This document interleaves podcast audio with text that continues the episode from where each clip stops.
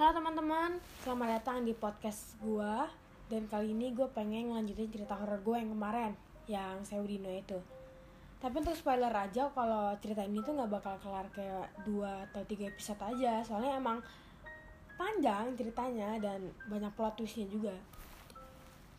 Kemarin sampai si Sri uh, ngedengarkan kalau pembicaraan supirnya sama Sri tentang itu sebenarnya apa kalimat itu yang sebenarnya ngikutin dia gitu? Nah akhirnya si mbahnya itu kayak nengok ke Sri dia bilang keluar aja nak. Saya tahu kalau kamu tuh ada di situ. Nah Srinya keluar dia ngeliat kalau mobilnya tuh udah pergi. Panggil temanmu biar mengerti kenapa kalian ada di sini. Sri akhirnya manggil yang lain. Mbah Tamin tuh duduk di sebuah kursi panjang matanya tuh kayak menerawang jauh ke atas kayak lihat apa gitu. Sementara si Sri sama yang lain itu berdiri. Suasana hutan tuh makin mencekam kayak seakan-akan pohon itu hidup. Aku masih ingat anak kecil cantik ceria belum punya dosa. Sekarang kayak gini dia. Yang dimaksud itu Dela yang tadi seperti baru kemarin rasanya. Tapi sekarang anak kecil itu terbaring sakit, melawan kodrat nyawanya. Hanya karena santet dan manusia bedep itu. Wajah Mbak Tamin kayak kesel tapi marah gitu akhirnya. Anak kecil itu Dela. Dia yang di kamar. Santet, ucap Tri sama yang lainnya. Iya, karena itu dia disembunyikan di sini. Biar bisa bertahan sampai ketemu cara memasang santetnya. Hah? Disembunyikan dari siapa mbah? Tanya si Sri. Mbak Tamin tuh ngeliat si Sri seakan-akan kayak gak nyaman sama pertanyaan itu. Seakan-akan tuh Mbak Tamin bilang kalau itu tuh gak usah dijawab gitu. Banyak yang tidak kamu ketahui. Lebih baik kamu tidak tahu saja, kata Mbak Tamin. Akhirnya suasana makin hening, dan Batamin tuh kayak ngambil kotak ada daunnya kayak dilintingin gitu akhirnya diisap kuat-kuat kayak ngerokok gitulah. Sekarang waktunya saya memberitahu tugas kalian. Batamin berdiri. Dia kayak ngasih tanda biar Sri sama yang lainnya tuh ngikutin. Dia berjalan di samping rumah kayak banyak potongan kayu yang disusun-susun. Emang rumah Mbak Tamin ini kayak terlihat mengerikan. Dengan pencahayaan yang dibilangin cuma lampu Petromax, abis itu udah gak ada apa-apa lagi. Dia berhenti di situ. Akhirnya Mbak Temin tuh kayak ngambil pagar bambu di mana di dalamnya ada sebuah sumur. Habis itu ada banyak ember gitu di sana itu tempat untuk mandi dan untuk ngambil air wudhu atau air kehidupan sehari-hari. Pokoknya di situ tuh sumber airnya yang ada di rumah Batamin nah termasuk untuk mandi si Dela ini. Uh, airnya tuh diambil dari sini.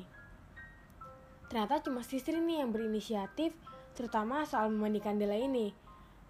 Sisri tuh kayak udah ngerti loh kayak tata cara memandikan orang kayak gitu. Sebenarnya kan Dela tuh hidup tapi diambang kematian berarti cara mandinya beda dong nggak sama kayak kita kita kayak gini. Akhirnya uh, Sri bilang kalau apakah cara memandikan yang berbeda? Kata Mbak Tamin iya cara memandikannya emang beda. Ada tata caranya. Salah satunya pakai bunga tujuh rupa. Mbak Tamin nunjuk sebuah tempat khusus di mana ada bunga dengan tujuh rupa berbeda diletakkan di atas kayak nampan gitu Batamin ngisi baskomnya sama air, habis itu nyampur bunganya, habis itu dibawa ke tempat Dela berada. Lalu si Sri ini memanggilnya. Habis itu Dela sama Erna cuma ngeliatin aja sih, nggak ngapa-ngapain. Dia diminta buat ngikat kaki Dela, dan akhirnya kaki Dela tuh diikat pakai kayak tali gitu. Walaupun sebenarnya Sri bingung, tapi ya Sri juga ikat aja sih gitu, karena nggak mau nyari repot kan setelah Sri menyelesaikan tugasnya, Batamin baru buka keranda bambu kuning itu. Ia mulai basuh badan si Dela. Sri ikut membantu dan di sana Sri menemukan fakta mengejutkan lain. Perut Dela itu besar, padahal umurnya tidak seberapa kan? Seperti mengandung seorang anak. Sri membasuhnya menatap Mbah Tamin dengan tatapan bingung dan kaget. Namun Mbah Tampak mengerti apa yang pengen Sri tanyain. Setelah selesai dengan semua itu, keranda kembali ditutup dan kain yang mengikat Dela dilepas satu persatu. Mbah Tamin melangkah pergi. Bah, kata Sri, mengejar Mbah Tamin ini. Di belakangnya ada Dini dan Erna yang kayak nggak tahu apa yang baru Sri lihat. Nanti saya ceritakan, kalau kamu sudah siap saja ya, kata Mbah Tamin. Tugas kalian sekarang mengurus Dela saja. Sudah tiga hari berlalu, Sri, Dini, dan Erna bergantian mengurus Dela. Mulai memandikannya, memberikan minum gadis itu, makan, pokoknya seperti e, merawat merawat anak, tapi bedanya ini kan diambang kayak gitu ya lebih seperti gadis yang lagi koma dibandingkan gadis yang kena santet entah oleh siapa dan bagaimana latar ceritanya mereka bertiga nggak tahu. Udah berapa kali si Sri dengar si Erna sama Dini tuh kayak gibahin Mbak Tamin ini? Nggak tahu tanggung si Erna sama si Dini itu ngomongin si Dela juga. Kayak dia tuh nyium bau busuk dari badannya si Dela sampai kalimat gak menyenangkan yang lainnya deh. Mereka tinggal di tempat ini dengan lelaki tua yang misterius ini kan lumayan aneh ya. Sampai akhirnya uh, Sisri itu dengar tapi Sisri ya milih diem aja. Namun di luar itu semua Sisri juga ngerasa sih kalau misalnya uh, ada aroma busuk dari badan Dela atau ada kayak Nana. Sisri sebenarnya juga ngerti gitu tapi dia nggak mau ikut ngomongin suatu sore Mbak Tamin itu kayak pergi uh, pamit mau uh, pergi tapi dia nggak pulang gitu loh dia berpesan kepada Sri dan yang lainnya untuk tetap menjalankan tugasnya dan nggak melakukan pantangan yang udah dikasih tahu yang jelas Mbak Tamin bilang kalau jangan lupa ngikat Dela saat buka kerandanya. Gak lupa juga Mbak Tamin berpesan untuk gak buka pintu pada malam hari. Siapa pun dan bagaimanapun, yang penting jangan dibuka pintunya, ucap Mbak Tamin. Sri yang dengar merasa merinding gitu kalau orang tua ngomong kayak gitu. Harinya udah udah gelap, udah mulai malam, Sri menutup pintu dan jendela. Si Sri ini langsung pergi ke kamar di sana dia ngeliat Dini sudah tidur. Di sampingnya ada Erna. Tiba-tiba si Sri ngeliat Erna tuh kayak menangis kesakitan. Akhirnya si Sri nanya dong ke Erna, kamu kenapa Er? Sri, aku boleh minta tolong nggak? Minta tolong apa? Malam ini kan giliran, aku mau mandikan Dela. Bisa nggak kalau kamu gantikan? Besok aku yang bakal gantiin kamu. Awalnya si Sri keberatan, namun kalau ngeliat kondisi si Erna, ya akhirnya Sri setuju. Setelah menerima permintaan Erna, Sri itu bersiap mengambil air. Dia lupa bahwa air di gentong dapur tuh udah habis. Ya terpaksa dia buka pintu, bersiap untuk menimba air dari sumur. Ragu gak sih si Sri ini buka pintu? Ya gimana lagi masa si Dela ini gak dimandiin? Akhirnya si Sri ini buka pintu cepat-cepat ya buat ngambil airnya. Sri melangkah keluar, dia cepat-cepat ke sumur, abis itu langsung balik lagi ke rumah.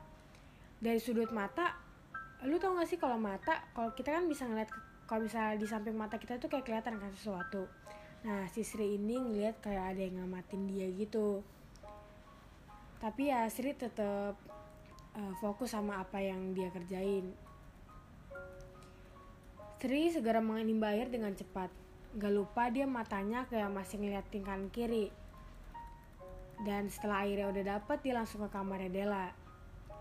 Gak lupa dia juga ngunci pintunya. Sri meletakkan airnya.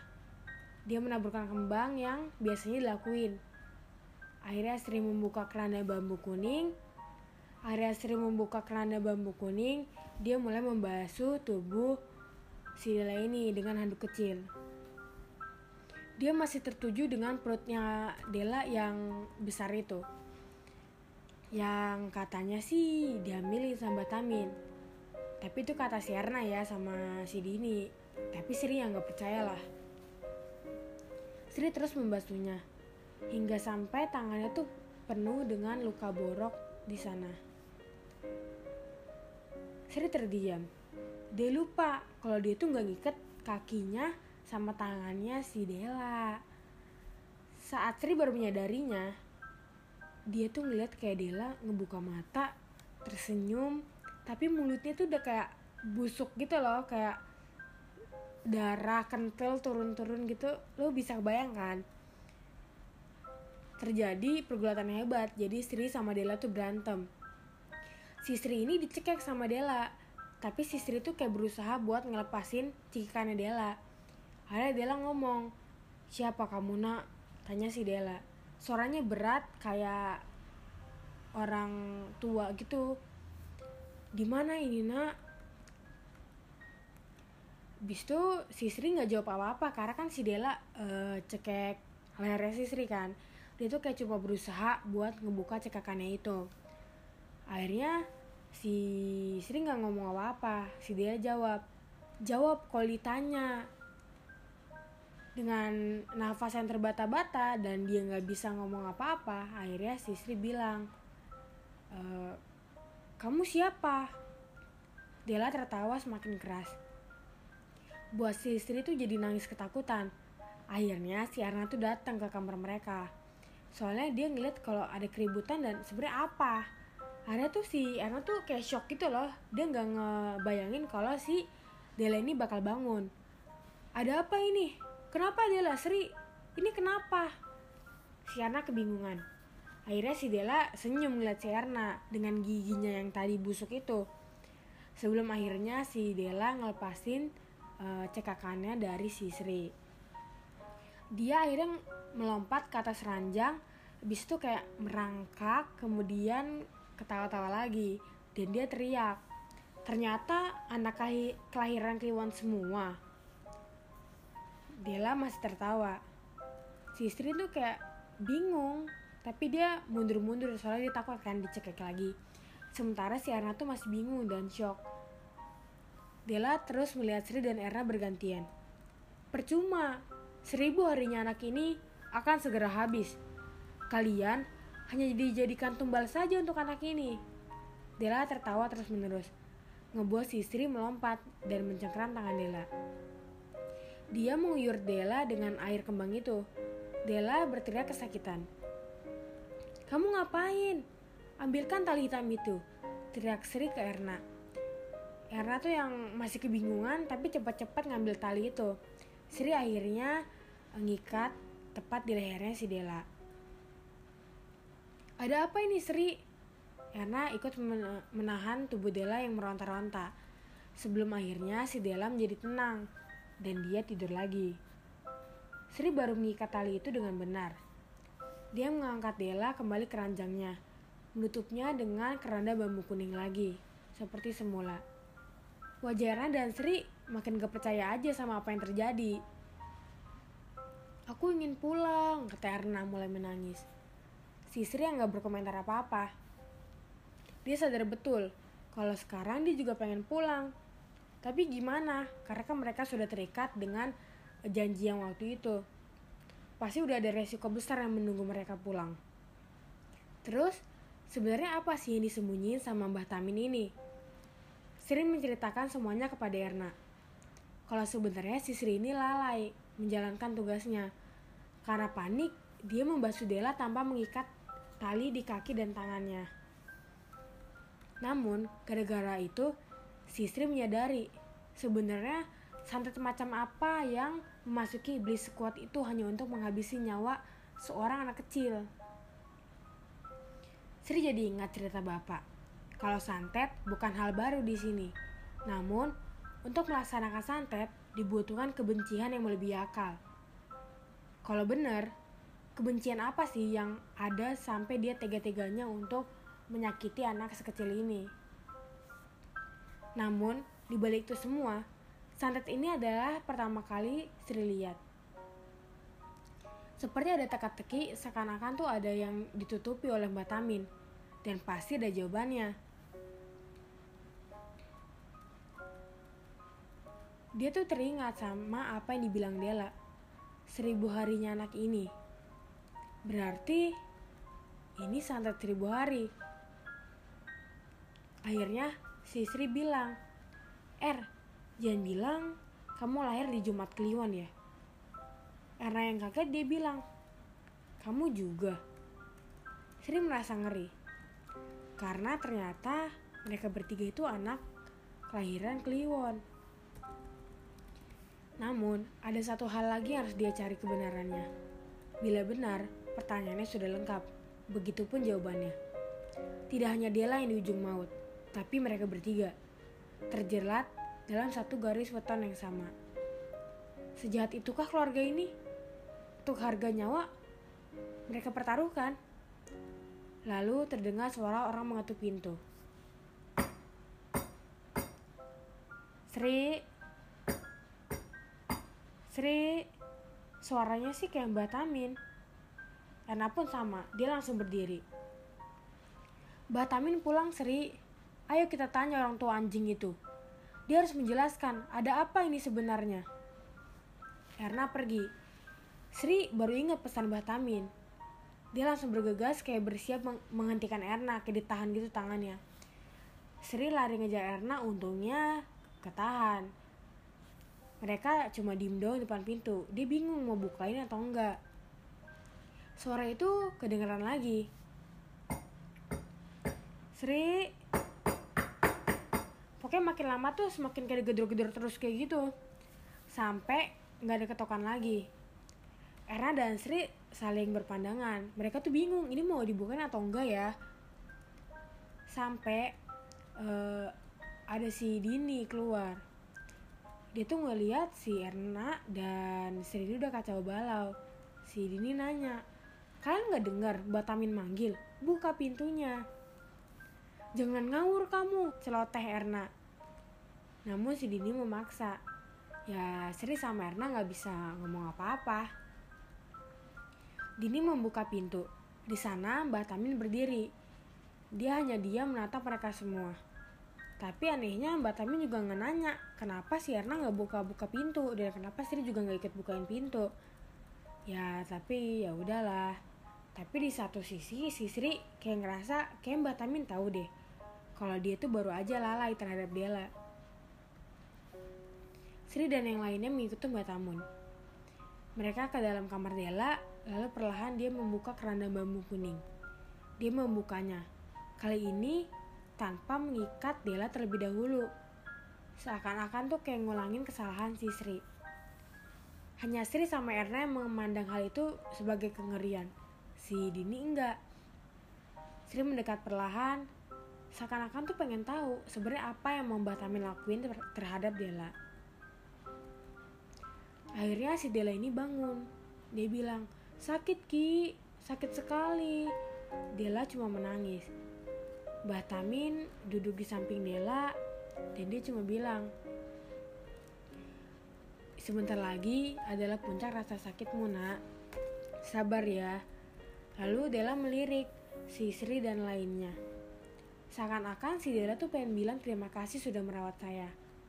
Mbah Tamin lalu mengikat tangan Dela dengan tali. Tergambar wajah sedih di sana. Dia masuk ke dapur, mengambil sebuah kain putih besar. Saat Batamin kembali ke kamar Dela, Dela menangis semakin keras. Ia berulang kali mengatakan, Jangan Ki, jangan kembalikan saya ke sana. Namun, Batamin tetap meletakkan kain putih itu, menutupi sekujur tubuh Dela yang meronta-ronta. Terakhir, Batamin tuh kayak ngebakar kemenyan. Sebelum memegang kepala Dela, terdengar suara. Kayak suara raungan gitu pokoknya si isi rumah itu kedengeran. Sri dan Erna sampai bersikut mundur gitu karena emang serem sih si Dela ini ke meraung-raungnya. Terdengar suara marah dalam-dalam kain. Dia adalah wujud tadi yang Sri lihat. Batamin Manusia terus menekan kepalanya, membuat suara itu semakin menjerit marah. Setelah kurang lebih lima menit, Mbak Tamin melakukan itu, perlahan sosok itu tertidur kembali. Akhirnya Mbak Tamin itu membuka kain itu melihat Dela memejamkan matanya. Kalian ikut saya, kata Mbak Tamin memanggil mereka. Sementara si Dini masih di kamar, karena kan dia tadi nggak ngeliat apa-apa kan. Mbak Tamin duduk di teras rumah, pokoknya dia bilang, kalian bisa ya melihatnya. Apa ya mbah? Kata Asri kebingungan. Ke sini. Mbah Tamin menempelkan jemarinya kayak menekan mata Sri kayak gitu. Kayaknya sih mata batin Sri mau dibuka. Benar saja, akhirnya si Sri tuh ngeliat apa yang sebelumnya nggak bisa dilihat. Banyak sekali makhluk halus yang gak bisa digambarkan kengeriannya. Mungkin ada ratusan, ribuan, seakan-akan tuh kayak mengepung rumah. Sampai butuh waktu lama, sampai Sri akhirnya gak kuat dan ditutup kembali mata batinnya dengan Tamin. Raga yang dibuat mati adalah sebuah undangan bagi makhluk seperti mereka. Kamu lupa ya dengan perintahku. Itu sangat berbahaya, bisa membunuh Dela. Jangan diulangi ya. Bah, tolong kasih tahu saya, apa yang terjadi dengan Dela? Kok bisa-bisanya dia mau membunuh saya dan Sri? Berarti kamu sudah lihat ya. Itu adalah Cahaya Jati yang ingin membunuh Dela. Tapi nggak bisa karena dia masih butuh Singgarahane. Kalau kalian tahu kan lain ada Badara Wuwih ya. Nah ini sama kayak sesosok suami istri juga. Santet seribu hari hanya dimiliki oleh orang yang siap menanggung dosa dan siap mati bersama. Sebenarnya si Sri sama Erna masih nggak ngerti sih, tapi ya udah berlalu aja hari itu. Terlalu awal untuk mengerti ini. Intinya, ilmu santet seribu hari adalah pembukaan ritual untuk menghabisi satu garis keluarga sampai habis keseluruhannya. Setelah percakapan itu, Batamin melangkah masuk ke kamar. Mengunci pintunya, ya membiarkan kejadian itu berlalu. Tapi lagi-lagi si Sri sama Erna masih nggak ngerti. Pagi itu sekitar pondok, kabut tebal menutupi seluk-beluk hutan. Si Sri Dini uh, udah ada di sumur, mencuci pakaian untuk keseharian mereka. Sedangkan si Erna lagi membasuh Dela di kamar sampai terdengar langkah kaki. Sri yang pertama mendengarnya. Dia berdiri untuk melihat dari jauh seperti ada sosok hitam. Perawakannya kayaknya nggak asing. Soalnya denah rumah kan memang kecil, jadi dari sudut mana pun bisa ter terlihat. Semakin dekat semakin dekat sosok itu, Sri makin yakin kalau itu Mbah Tamin. Loh, kok Mbah Tamin? Pasti kalian bingung kan? Si Sri ini makin bingung gitu loh. Dia melihat Mbak Tamin mendekat ke arah dia dengan wajah yang letih, kayak capek banget, kayak habis jogging dah dua jam gitu. Ketika Mbak Tamin berdiri depan Sri, dia bertanya, apakah petua beliau sudah dijalankan? Sri cuma diem, bibirnya gemetaran. Akhirnya Dini yang inisiatif buat ngambil situasi. Bah, Bukan yang Mbah semalam pulang. Mbah Tamin yang mendengar itu seperti marah, lantas memandang Sri dengan ekspresi tidak percaya. Ada kemarahan dalam tatapannya. Bukannya kamu sudah saya kasih tahu, jangan buka pintunya. Ya, pokoknya Mbak Tamin ini marah-marah. Akhirnya si Mbak Tamin ini nyekek lehernya si Sri dan dininya panik. Siapa yang kamu izinkan masuk? Di mana sekarang dia berada? Dini mencoba menahan tangan Batamin. Sri hanya membuang muka.